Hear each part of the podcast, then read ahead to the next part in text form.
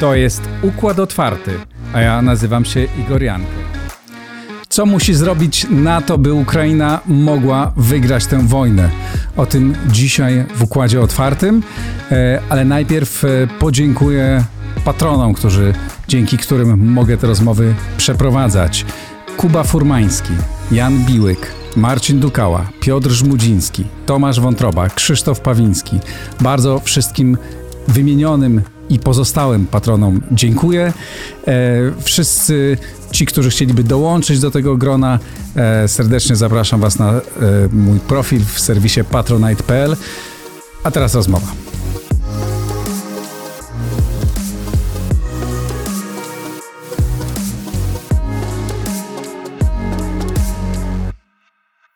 A moim gościem dzisiaj jest profesor Andrew Michta, Dziekan Marshall Center of the United States w Garmisch-Partenkirchen, były profesor Naval War College i, i również współpracownik Center for European Policy and Analysis. Profesor Michta wypowiada tutaj wyłącznie swoje prywatne opinie. Dzień dobry. Dzień dobry panu, dzień dobry państwu.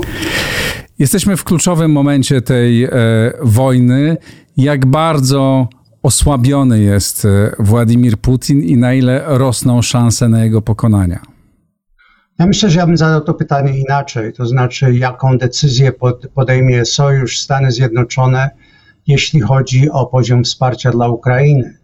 E, Ukraina jest w tej chwili e, w sytuacji, w której jej siły zbrojne są nasycone bronią, która pozwala Ukraińcom utrzymywać ich pozycję, zwłaszcza jeśli chodzi o front północny i, i środek, środek kraju. Na południu jest trochę inna sytuacja, ale nadal przy odpowiednim zaopatrzeniu, właśnie kiedy mówimy o Javelin, e, pociski, czy o, o Stingery, czy polskie pioruny, czy innego tego rodzaju, inny tego rodzaju equipment, jest w stanie się bronić i zmuszać Rosjan, żeby płacili bardzo dużą cenę za to, że E, atakują. Natomiast e, Ukraina w mojej ocenie nie posiada broni, która by była potrzebna do, te, do tego, żeby odbić e, tereny okupowane i pokonać wojska rosyjskie w sposób jednoznaczny. Także ja bym po prostu powiedział, mnie się wydaje, że jesteśmy w punkcie decyzyjnym co do tego, jaki poziom ryzyka sojusz chce, chce podjąć. Mówię tutaj o ryzyku eskalacji i ryzyku ewentualnej użycia broni masowego rażenia przez Rosjan, a to, to, e, a to by oznaczało, że jeżeli rzeczywiście Zachód jest, podjął decyzję poniesienia tego ryzyka i dania broni e, ukraińskim siłom, które pozwolą im na, na wypchnięcie Rosjan poza terytorium Ukrainy, czyli de facto wygranie, e, odbicie tych terenów. A jeżeli takiej decyzji nie będzie, to w mojej ocenie możemy patrzeć na taki stalemate, to znaczy, że sytuacja obecna której Rosjanie nie wygrywają, ale jednak uzyskują coraz więcej korytarza południowego, łączącego ich e, Donbas prawda, z Odesą. No, no nie z samą Odesą, ale, ale z Krymem, przepraszam. E, I e, tego rodzaju stalemate, który miałby później być płaszczyzną do jakichś ewentualnych negocjacji. Mi się wydaje, że to jest ten binarny wybór, przed którym stoją przywódcy Zachodu, jeśli chodzi o decyzję o poziomie wspomagania Ukrainy. Pan rozmawia z wieloma ekspertami, również z wieloma decydentami. E, czy pańskim zdaniem oni zbliżają się, albo być, albo być może już podjęli tak naprawdę te decyzje i ta broń ciężka płynie już do, e, czy jedzie, leci, e, w każdym razie dociera e, do Ukrainy? Czy raczej jesteśmy daleko od tej decyzji? Znaczy, sytuacja w mojej ocenie jest nadal płynna, jest, jest pod, pod, podwyższanie tego wsparcia Ukrainy, jak widzimy. Stany Zjednoczone wysyłają nowego typu drony na Ukrainę. Natomiast y, y, ważnym takim variable tutaj jest to, co jaka jest reakcja na y, raporty o morderstwach i masakrach na cywilach popełnianych przez rosyjskie e, wojska, więc to na pewno e, ma bardzo silny wpływ na to, w jaki sposób reagują poszczególne rządy i e, przede wszystkim opinia publiczna. Więc jesteśmy w momencie, w której w mojej ocenie jest możliwość tego, że szala przechyla się na, na stronę pełnego wsparcia w sensie środków, które Ukraina potrzebuje do pokonania Rosji. A tu chodzi przede wszystkim o możliwość obrony przeciwlotniczej na wysokim poziomie, dlatego że Stingery nie, nie, nie osiągają tego, tego poziomu, z którego Rosjanie mogą niszczyć, niszczyć miasta ukraińskie, broń przeciwko pociskom które, rakietowym, które Rosjanie wystrzeliwują. No i, i e, oczywiście środki e, przeciwnatarcia, i tutaj chodzi przede wszystkim o, o czołgi i, i artylerię, która pozwoliłaby Ukraińcom, jak to się mówi, wziąć wojnę do przeciwnika, czyli, czyli uderzyć na Rosjan w sposób taki, że zaczęliby ich spychać z pozycji, które oni wypracowują. Rosjanie się przegrupowują w tej chwili. Wygląda na to, że będą próbować e, podjąć następną ofensywę we wschodniej części, południowo-wschodniej części Ukrainy żeby w jakiś sposób e, skonsumować, że tak powiem, ten, ten minimalny plan, e, w mojej ocenie, to znaczy zbudowanie lądowego pomostu do Krymu e, z części zachodniej, no i w międzyczasie zniszczenie najbardziej zindustrializowanego obszaru państwa ukraińskiego, co byłoby również bardzo dużym ciosem w gospodarkę Ukrainy w przyszłości. Wrócę do swojego pierwotnego pytania o ocenę e, wojsk armii e, Władimira Putina. Czy, e, czy jeżeli mm, e, te czołgi, ten ciężki sprzęt dotrze na, na Ukrainę, to czy Putin jest w stanie po drugiej stronie również wystawić tak poważny sprzęt? Czy ta armia jest już tak bardzo osłabiona, że realnie istnieje poważny, poważna możliwość takiej totalnej porażki Putina? Arytmetyka, jeśli chodzi o liczbę ludzi w wojsku, jest może nie tak groźna dla Ukrainy jak arytmetyka w sensie sprzętu, dlatego że proszę pamiętać, że widzimy y, tysiące ukraińskich mężczyzn, którzy wracają z Europy Zachodniej, z Europy Środkowej do Ukrainy, na Ukrainę, żeby tam walczyć. Więc y, bardzo możliwe, że y, wysokość sił zbrojnych Ukrainy się podwoi jako rezultat tego wszystkiego. Więc tutaj, jeśli chodzi o personel, a poza tym jest to wojsko o wiele bardziej zmotywowane po tym, co, co Rosjanie zrobili y, prawda, w Buczy, w innych, w innych miejscowościach na, na Ukrainie. Ja sobie nie wyobrażam, żeby żołnierze ukraińscy, zarówno z obrony terytorialnej, jak i z regularnych sił, byli w stanie y, patrzeć na Rosjan e, w sposób taki, że, że można by tutaj mówić o jakimś porozumieniu, o jakimś kompromisie. Natomiast wojska rosyjskie, on, on używa tych poborowych, którzy no, mają być zwolnieni teraz e, do 15 kwietnia i nowy pobór ma być zaciągnięty, ponad 130 tysięcy ludzi. Więc morale armii rosyjskiej na pewno pozostawia dużo do życzenia, to zachowanie się ich w stosunku do ludności cywilnej przede wszystkim, te, te morderstwa, gwałty, podpalenia, to jest zachowanie się armii nieprofesjonalnej. Wojska amerykańskie, kiedy idą, idą gdziekolwiek na wojnę, y, te prawa prawda, jakie są reguły y, y, operacji, przy operacjach, co jest dopuszczalne, co nie jest dopuszczalne, w jaki sposób traktuje się ludność cywilną. To jest część absolutnie podstawowego kształcenia żołnierza amerykańskiego, żołnierza zachodniego ogólnie mówiąc. Więc tutaj widzimy raczej z, z, taką, z takim rozpasaniem ludzi, którzy albo ich dowódcy ich nie kontrolują, albo się obawiają ich kontrolowania, dlatego że nie chcą, nie chcą dawać swoim przełożonym jakichkolwiek raportów na ten temat. W każdym razie jest to jakościowo słabe wojsko. Przy tym jednak proszę pamiętać, że tak jak ta, ta wojna się posuwa do przodu i te bitwy, zresztą bardzo zacięte bitwy, zwłaszcza, zwłaszcza w tej chwili w okolicach Mariupola i, i na wschodzie, e, Rosjanie również się uczą tego, w jaki sposób bije się ukraińskie wojsko. Nazywamy going to school on someone. Uczymy się obserwując drugą stronę. Więc, y, więc te walki w mojej ocenie będą się stawać jeszcze bardziej zacięte. Problem jest taki, y, czy kiedy Rosjanom zacznie brakować sprzętu, y, jak zachowają się tutaj Chiny? Czy Chiny na przykład staną się tym dostarczycielem nowych, nowych środków, które, które Rosjanom jest potrzeba? I również no, funduszy po prostu, żeby, żeby Rosja mogła nadal to kontynuować. Moja ocena jest taka, że po tym, co zrobili Rosjanie cywilom e, na Ukrainie, to będzie wojna długa, bez względu na to, czy ta wojna, ta obecna kampania zakończy się takim czy innym porozumieniem, czy przejdzie w, bezpośrednio w jakąś, w jakąś inną bitwę, że tak powiem. Po tym, co się stało, to jest wojna, której nie wyobrażam sobie, można by było wygasić dlatego że biorąc pod uwagę to, co publikują Rosjanie, przypomnę panu w RIA Nowości, to oficjalny outlet rosyjski jego rządu, ten artykuł sprzed kilku dni, zdaje się z 4 kwietnia, w którym no, naprawdę e, e, rosyjskie media nawoływały do de facto zniszczenia narodu ukraińskiego, dekapitacji elity. To, to są już w tej chwili e, poziomy rozmowy egzystencjalnej. Zresztą Miedwiediew to powtórzył znów. Więc to nie jest w tej chwili wojna e, taka, na jakie myśmy patrzyli, czyli limited war, prawda?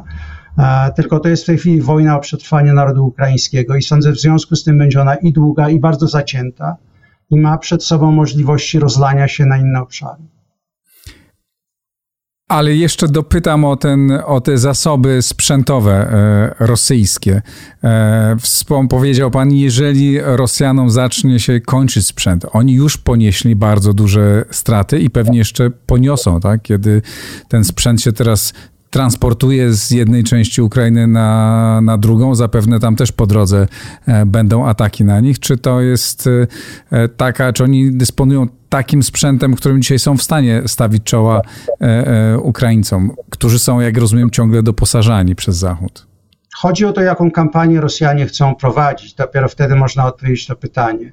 Dla mnie jest w miarę jasne, że to, że Rosjanie przenieśli się do, do, że tak powiem, taktyki terroru, e, to oznacza dwie rzeczy. Jeden, że y, no, mają poważne ograniczenia, jeśli chodzi o broń precyzyjnego e, nacelowywania, mimo tego całego przechwalania się prawda, przez lata o, o hiperpociskach i, i, i unowocześnieniu 70% sił zbrojnych Rosji. Ich zasoby tej broni precyzyjnej są ograniczone, to jest pierwsza sprawa więc y, mają natomiast ogromne zasoby tak zwanych głupich bomb, prawda, czyli, czyli e, jest to, jest to niedyskryminujące mordowanie ludzi, niszczenie miast, e, czyli jest to kampania terroru w tej chwili w mojej ocenie do złamania oporu społecznego.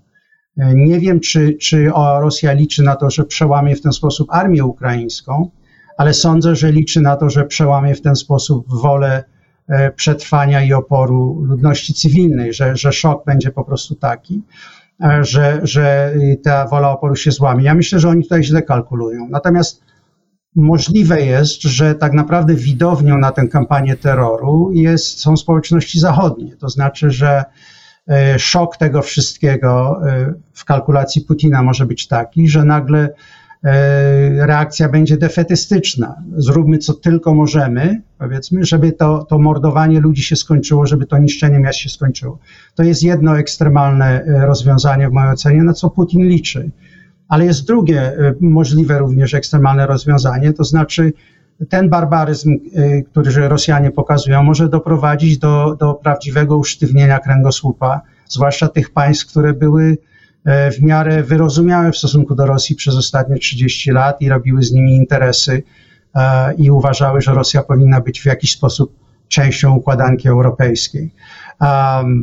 Ważne jest to, że y, nie tylko Ukrai że, że Ukraina dokonała coś niesamowitego, to znaczy opór, który postawiła y, najeźdźcy i sposób, w jaki się bije, i determinacja doprowadziła do tego, że nawet jeśli niektórzy ludzie na Zachodzie, mówię tutaj o niektórych przywódcach politycznych, e, uważali, że Ukraina zostanie szybko zniszczona i wtedy należy się z tym jakoś pogodzić, czyli takie powtórzenie 2014 roku, prawda? Trochę sankcji, trochę tego, no i wracamy do business as usual. Ukraińcy to po prostu uniemożliwiają, e, jeśli chodzi o tego rodzaju kompromis. Ja zawsze mówię e, moim kolegom, że bez względu na to, jak zachowa się Zachód, w tej sytuacji Ukraina też ma głos. I to, co, co ukraińscy przywódcy, naród i wojsko e, zdecydują robić, jest w tej chwili bardzo istotnym e, faktorem, jeśli chodzi o decyzje zachodnie. Czy te zdjęcia i filmy, e, które zobaczyliśmy po opuszczeniu wojsk rosyjskich z okolic Kijowa, z Buczy i z innych miast, pańskim zdaniem na tyle zmieniły, wpłynęły na opinię publiczną i opinię elit, zwłaszcza niemieckich, którą pan obserwuje z bliska, no bo pracuje pan teraz e, w Niemczech, że Niemcy rzeczywiście zdecydują się już na taki ostateczny krok, na ostre sankcje, odcięcie gazu i dostarczenie również ciężkich, mm, ciężkiego uzbrojenia, jeśli posiadają takie Ukraińcom. No proszę pamiętać, że zdaje się dwa dni temu prezydent Niemiec publicznie stwierdził, że on popełnił błąd, uważając, że Nord Stream 2 był tylko komercyjnym e, przedsięwzięciem, że powinien być skończony. To jest e, przyznanie się do błędu na bardzo wysokim poziomie. E, szereg ludzi, również y, z elit politycznych, z parlamentu, z Bundestagu, wypowiada się w coraz bardziej zdecydowany sposób. Proszę pamiętać, że w postmodernistycznej Europie tego rodzaju obrazy, jakie widzimy z Ukrainy, to znaczy miasta, które Mariupol wygląda no niemalże tak, jak wyglądał Berlin po zakończeniu II wojny światowej, czy Warszawa po zakończeniu powstania warszawskiego, prawda? Miasto, które jest tej chwili miastem upiorem. To są szkielety budynków, ludzie, którzy przeżywają w okrutnych warunkach. I to są miasta, które wyglądają tak, mówię o Mariupolu i innych miastach Ukrainy, które wyglądają tak, jak dla niemieckiego y, obywatela czy francuskiego obywatela, czy polskiego obywatela oczywiście, wyglądają tak, jak miasta, które są częścią ich państw. Ludzie, którzy są mordowani, to nie są ludzie z jakichś tam wojen tam dalej, prawda, czy to mówimy o Środkowym Zachodzie, czy, czy Afryce, czy Azji, tylko to są ludzie, którzy wyglądają tak, jak wyglądają wszyscy inni Europejczycy, żyją w bardzo podobny sposób, e, mają bardzo podobne marzenia, do, do bardzo niedawna byli częścią społeczności państw europejskich. To jest szok, którego, którego głębie my jeszcze nie jesteśmy w, ta, w stanie w pełni ocenić. E, I tutaj ja uważam, że bez względu na to, jaka będzie końcówka tej kampanii. Ja nie mówię, ja nie mówię o, tym, że to jest cała wojna. Ja uważam, że wojna będzie, będzie długa i będzie, będzie wojną, y, której zasięg jeszcze sobie nie wyobrażamy tutaj w pełni.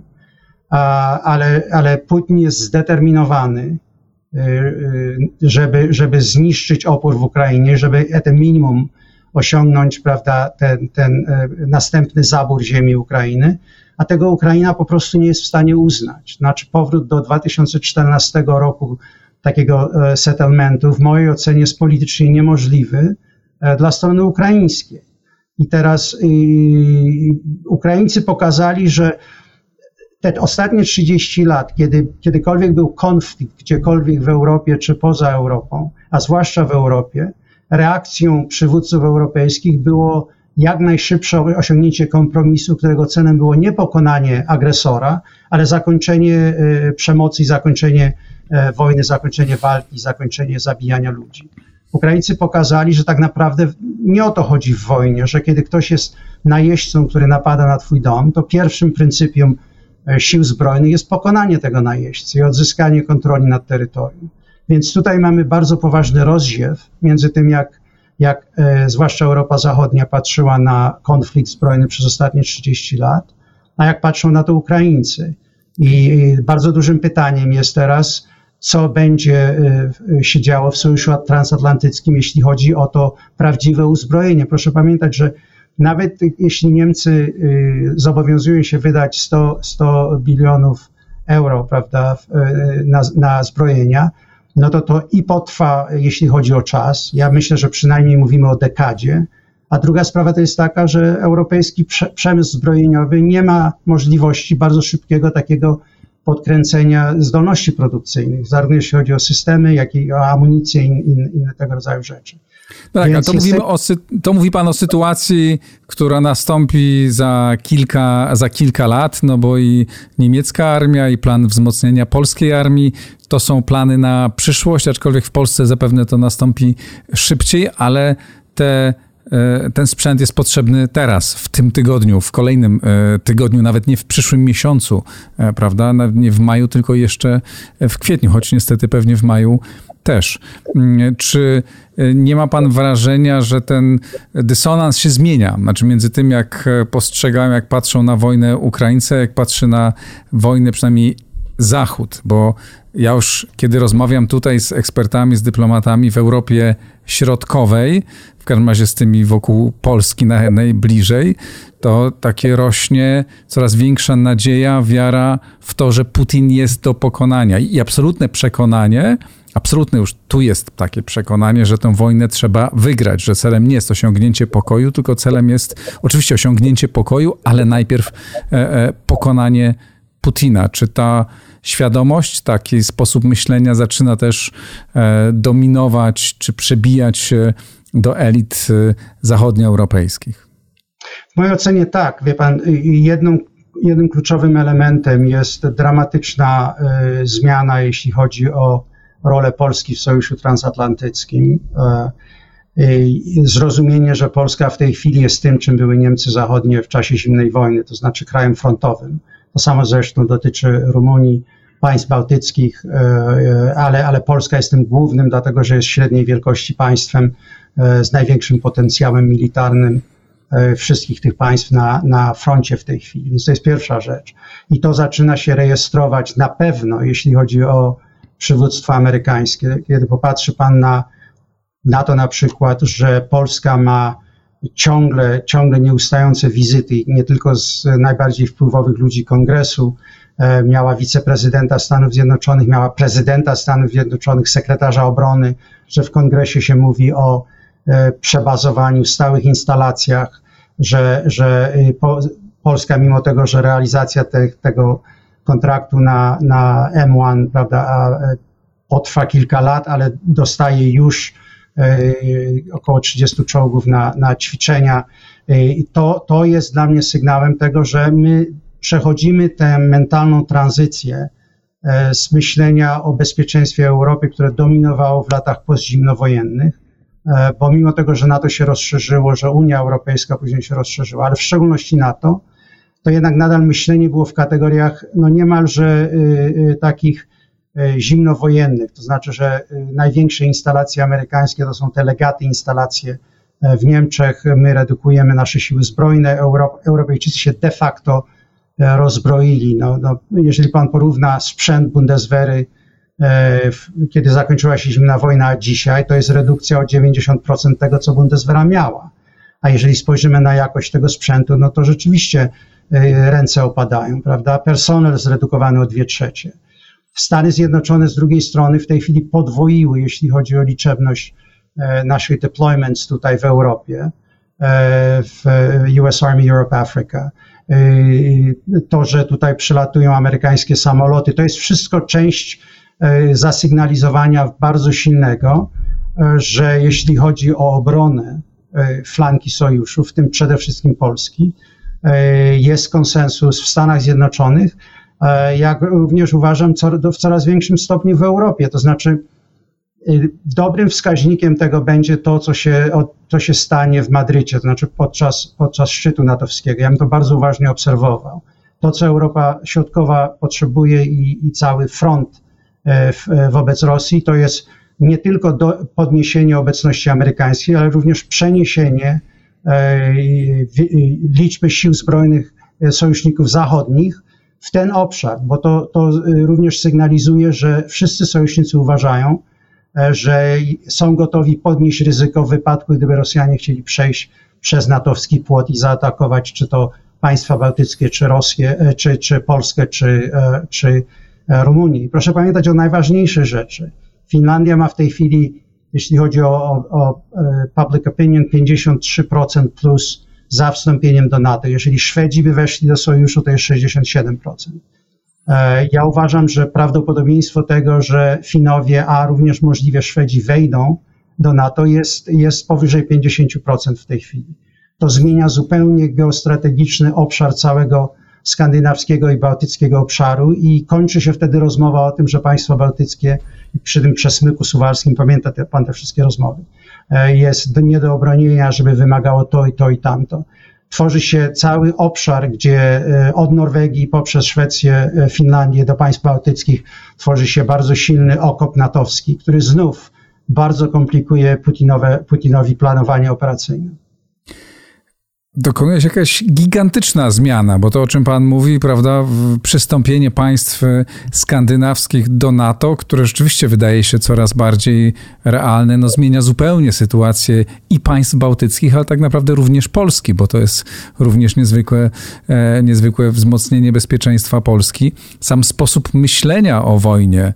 E, przecież kiedy Putin zaatakował e, Ukrainę, to zastanawialiśmy się, czy zajmie Kijów w ciągu kilku dni, czy nie zajmie. Potem zastanawialiśmy się, czy Ukraińcy przetrwają tę, e, tę wojnę i jak mogą ją przetrwać. Czy sukcesem będzie ocalenie połowy Ukrainy, a dzisiaj zaczynamy rozmawiać o tym, czy Ukraińcy pokonają e, Putina. I chciałbym o to zapytać. Po pierwsze, czy pańskim zdaniem to jest realne? Czy pan czy panu wydaje się to, to osiągalne w najbliższym czasie? I po drugie, co byłoby tym zwycięstwem i pokonaniem Putina? Kiedy byśmy powiedzieli, że, e, że Putin przegrał tę wojnę? Podjął pan podstawowe pytanie w mojej ocenie. Znaczy, y, Rosja przez ostatnie 20 lat rządów Putina wytworzyła narrację, która bardzo mi przypomina narrację międzywojennych Niemiec, to znaczy między pierwszą a drugą wojną światową. Znaczy narracja e, w Niemczech wtedy była taka, że armia niemiecka była wspaniała, zwyciężała, ale politycy, prawda, sprzedali e, wielkie Niemcy, uderzając ich e, ten Dolchstoss, prawda, sztyletem w plecy.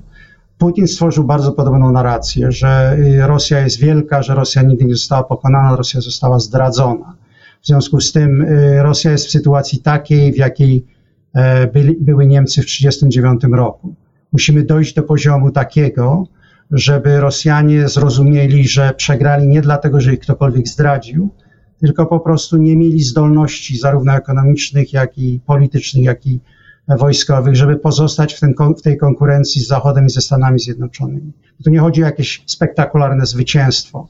W, w konkurencji wielkich mocarstw albo się zostaje w tym wyścigu, albo się z niego wypada. Prawda? I Rosjanie po prostu e, zabrakło im benzyny, że tak powiem, żeby kontynuować dalej. Ran out of gas. To jest pierwsza sprawa, więc to, co Czy uważa pan, że Rosja jest do pokonania? Oczywiście, że tak.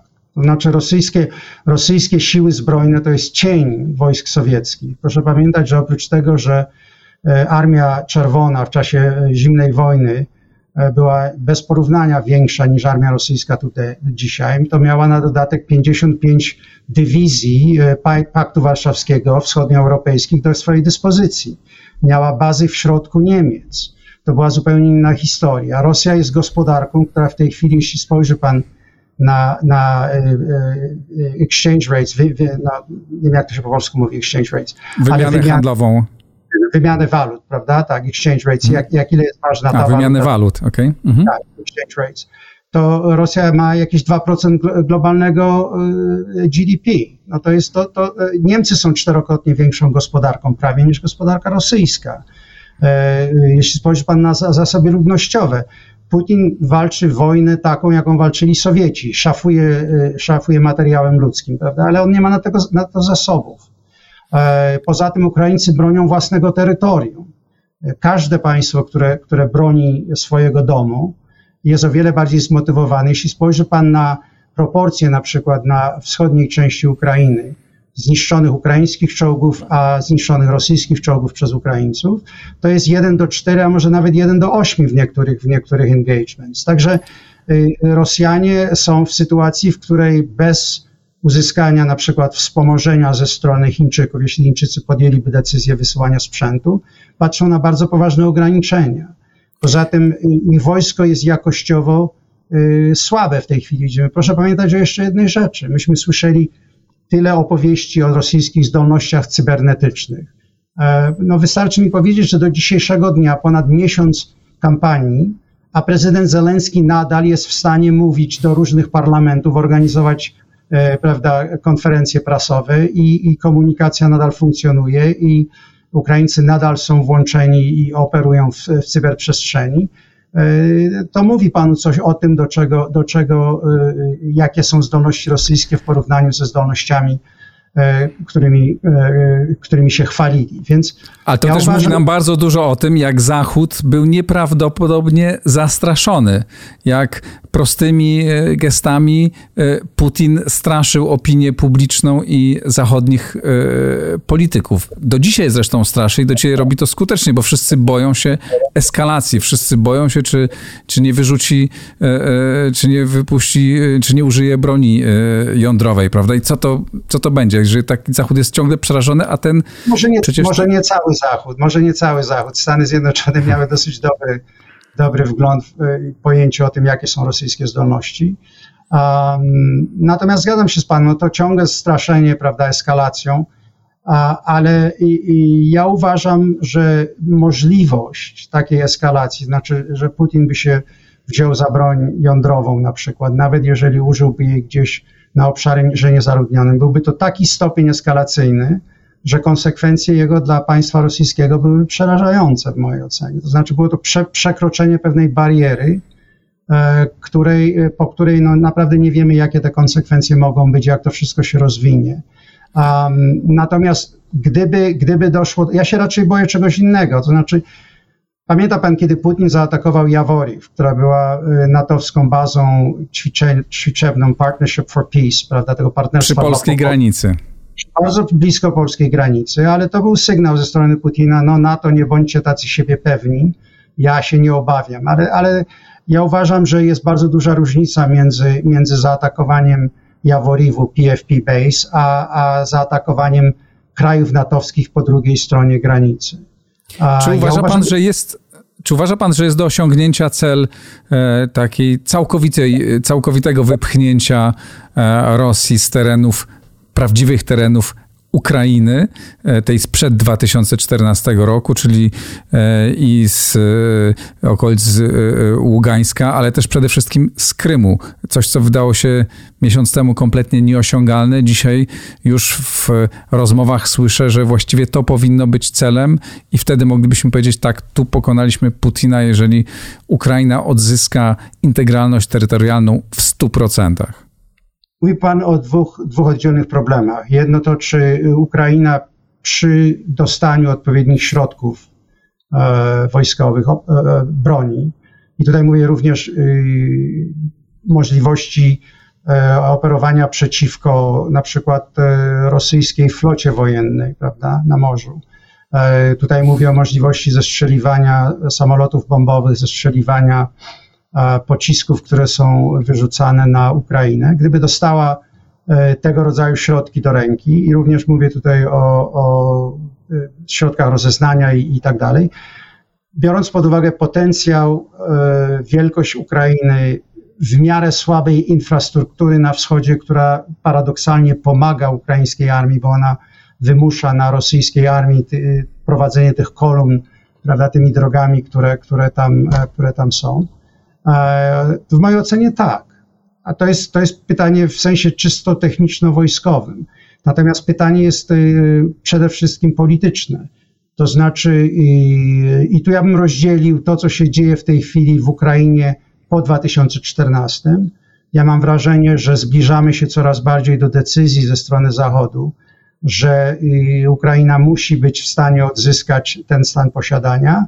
I tutaj Donetsk i Lugansk będzie w mojej ocenie takim ważnym językiem uwagi. Krym jest oddzielną sprawą, dlatego że y, w mojej ocenie to, że Rosjanie rzucili się bardzo szybko na de facto, na, na inkorporację Krymu, prawda, na przyłączenie i to, yy, znaczy różne poziomy eskalacji, jeśli chodzi o, o reakcję Rosji, w mojej ocenie, jeśli patrzymy na, wschodnie części Ukrainy, Donetsk, Luhansk i inne, jeśli patrzymy na, na Krym. Ja osobiście nie uważam, że one są inne z punktu widzenia Putina, ale w mojej opinii e, przywódcy Zachodu mogą rozdzielać te dwa e, problemy. Znaczy, e, do jakiego stopnia byłoby groźne, gdyby, gdyby nagle prawda, zaczęła się ofensywna kampania armii ukraińskiej przeciwko Rosjanom na wschodzie, w jaki sposób Rosja tu byłaby w stanie zareagować, czy skłonna zareagować, jakie ryzyko Putin by podjął, a inaczej mogą patrzeć na to, jaka byłaby kampania dla odzyskania, dla odzyskania Krymu. Um, myśmy zasygnalizowali od początku, co w mojej ocenie było błędem, czego nie będziemy robić. To znaczy, że nie będziemy wysyłać wojsk natowskich do Ukrainy, na Ukrainę poza, poza, poza bramę natowską, prawda, poza płot natowski. Ja uważam, że tego po prostu nie trzeba było mówić. Niepewność ze strony przeciwnika jest bardzo ważnym atutem w grze nawet jeżeli naszą intencją było nie robienie tego, komunikowanie tego, że tak powiem, zostawia inicjatywę drugiej stronie. Ja bym, był, ja bym mówił mniej, a, a po prostu robił więcej. I przy tym powiem tak na zakończenie, bo wydaje mi się, że będziemy kończyć tę rozmowę już wkrótce, że y, Zachód robi bardzo dużo, żeby pomagać Ukrainie. Ta broń, która jest dostarczana, przede wszystkim broń e, przeciwpancerna, zmieniła zupełnie obszar bitwy. E, okazało się, że y, lekka piechota nasycona javelinami jest w stanie zatrzymać y, wojska pancerne na zimno, na miejscu. E, co również zmienia całą rozmowę, jeżeli chodzi o Polskę. Pamięta pan sceptycyzm co, co do Wojsk Obrony Terytorialnej w Polsce, że to są weekendowi żołnierze, że to jest mięso armatnie. Ja uważam, uważałem, że był to błąd, takie mówienie i uważam w tej chwili, że jest to błąd. Tego rodzaju formacje przy założeniu, że są nasycone bronią przeciwpancerną, bronią przeciwlotniczą, nawet jeśli bliskiego rażenia, e, będą odgrywać, e, gdyby doszło do jakiejkolwiek kampanii, bardzo ważną rolę w obronie terytorialnej kraju. Ukraińcy to pokazują każdego dnia. I to jest e, niesamowite, jak zmieniła się nasza perspektywa, i nawet to, że Pan mówi, że Zachód będzie pytanie jest, jak będzie reagował na ewentualny atak na e, ukraiński, na próbę odbicia Krymu, pokazuje, że jesteśmy w zupełnie innym e, miejscu i miejmy nadzieję, że kiedy następnym razem e, zgodzi się pan wystąpić w układzie otwartym, będziemy już rozmawiali o wypychaniu Rosjan nie tylko z Ługańska i z Doniecka, ale również z Krymu. Ale pozwoli pan, że, pozwoli tak. pan, że jeszcze powiem jedno zdanie. Pozwoli pan, że powiem jeszcze jedno zdanie w mojej ocenie czeka, czeka Ukrainę bardzo ciężki okres walk. E, to, to jest widać y, patrząc na przegrupowania wojsk rosyjskich. E, I tutaj e, myślę, że my nie widzieliśmy jeszcze tego momentu krytycznego, tego denouement tej całej kampanii, która, która rzeczywiście przekonałaby Putina, że jego, że jego plany E, jednak e, przepadły całkowicie. On, on, jeżeli jemu się powiodą plany na, na wschodzie, to znaczy jeżeli uda mu się zbudować ten, ten korytarz do, do Krymu, e, wcale bym się nie zdziwił, gdyby nie uważał, że wtedy powinien pograć również o więcej. Także ta nadchodząca bitwa będzie bardzo ważna w tej wojnie. Andrew Michta, bardzo serdecznie panu e, dziękuję. E, to wszystko w tej rozmowie. Dziękuję bardzo Państwu. Oglądajcie inne filmy, subskrybujcie e, mój kanał i moje podcasty. Wspierajcie na patronite.pl. Bardzo dziękuję. Do zobaczenia i usłyszenia.